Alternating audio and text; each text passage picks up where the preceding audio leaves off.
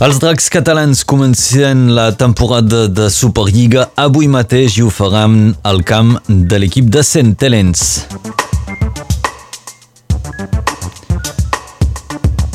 Reunió avui a l'inspecció acadèmica per decidir de l'obertura i del tancament de classes.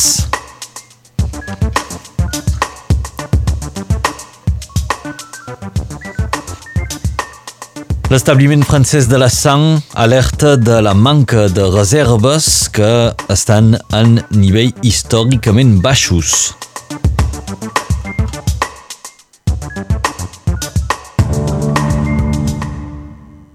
Professors i pares d'alumnes de diversos col·legis nord-catalans es van concentrar ahir davant de la inspecció acadèmica de Perpinyà.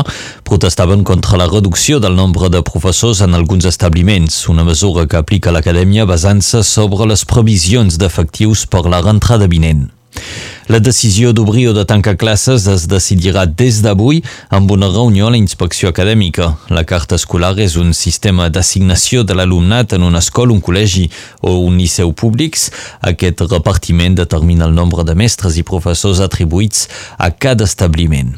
I és per aquell motiu que hi ha els pares d'alumnes i professors del col·legi Saint-Exupéry de Perpinyà van blocar l'entrada de, de, del seu establiment. De fet, el col·legi Saint-Exupéry podria perdre fins a 9 hores de d'ensenyament, cosa que significaria el tancament de tota una secció de sisena.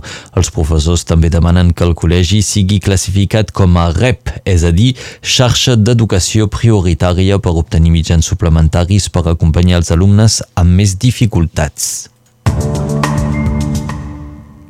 Ha arribat el dia tan esperat pels aficionats del rugby a 13. Avui comença la temporada pels dracs catalans. Després d'haver arribat a la final de la temporada passada, avui els dracs tornen als terrenys de joc amb una amb molt bona ambició. De fet, el rival d'avui no posarà les coses fàcils als dracs que afrontaran Centelens el rival de la final de l'any passat. Amb un sol partit amistós jugat fins ara, durant la pretemporada, caldrà veure si l'estat de forma dels jugadors permet ja competir amb els millors. Aquest és un dubte que també té el president dels dracs, en Bernard Guasc. Comencem eh, molt fort, molt fort eh, a Centelens. Eh, ja sabem on anem, el camp del Centenens eh, serà complet, és a dir, que jugarem davant de 16 o 17.000 o 18.000 eh, persones, doncs eh, hi haurà un ambient molt fort. És molt difícil de començar contra el Centenens perquè la preparació no està al màxim. Potser no serem a punt per fer un partit de tanta eh, intensitat, però bueno, és així, és així.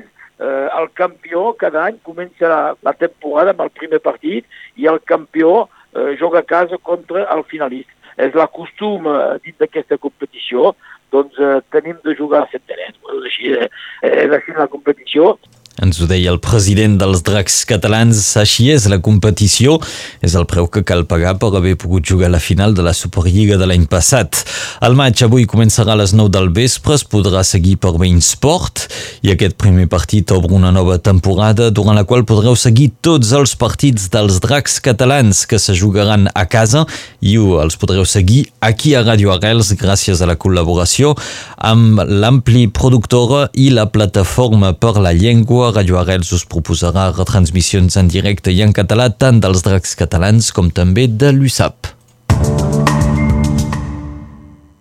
Les queixes contra l'equip municipal de Louis Alió s'acumulen. Els agents de neteja de la vila de Perpinyà van deixar de treballar ahir en una nova mostra de protesta contra les males condicions de treball.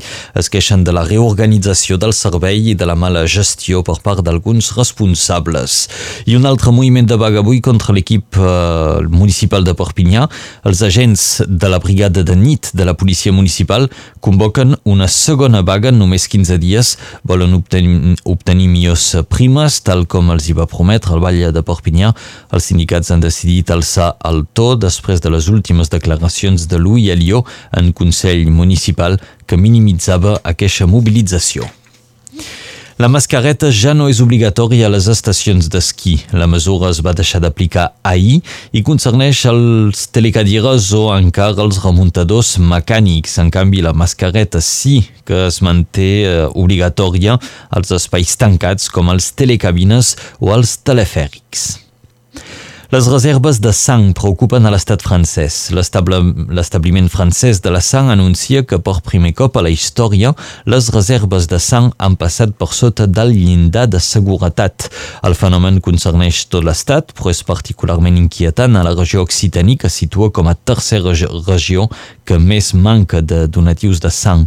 A Catalunya Nord només queden sis dies de reserves de sang, quan per anar tranquil seria necessari tenir un marge de 16 dies. Per donar sang us heu d'apuntar a la pàgina web dondesang.efs.santé.fr o mitjançant l'aplicació Don de Sang. A la frontera ucraïnesa, les tropes russes estarien reforçant posicions, segons les acusacions fetes ahir pel president dels Estats Units, Joe Biden.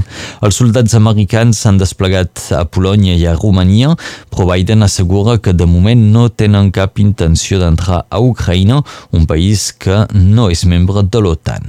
I Biden, es, Biden perdó, es va reunir ahir, ho va fer amb Emmanuel Macron per evacuar per evocar les visites del president francès a Rússia i també a Ucraïna.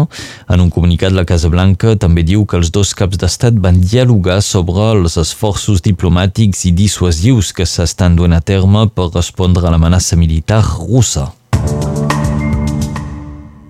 Els esports, recordem que avui torna la Superliga, els dracs catalans obren la competició amb un desplaçament al camp del campió de la temporada passada l'equip de Sant Helens. El partit començarà a les 9 del vespre, es podrà seguir per Bein Sport.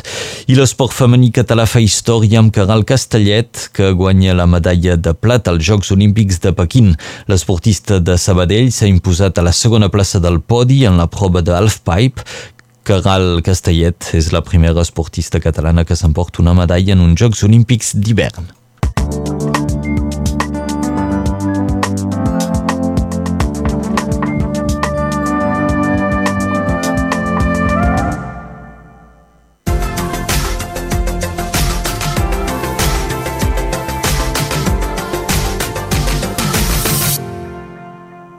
Per avui no varia gaire la posició de l'anticicló. Com ahir, encara que siguin fluixos, els vents marins porten uns núvols baixos a punts costaners que s'enfilen per les nostres tres valls principals, però sense entrar gaire terra endins fins que faci fosc i que s'aixequi tímidament la tramuntana.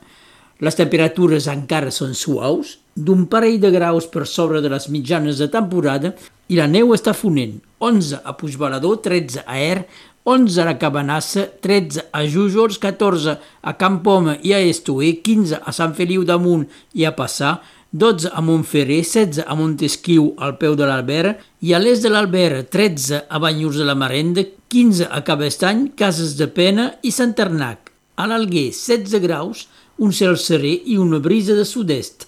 El sol se pondrà a Perpinyà quan el rellotge de l'estació marcarà 6 hores i 14 minuts.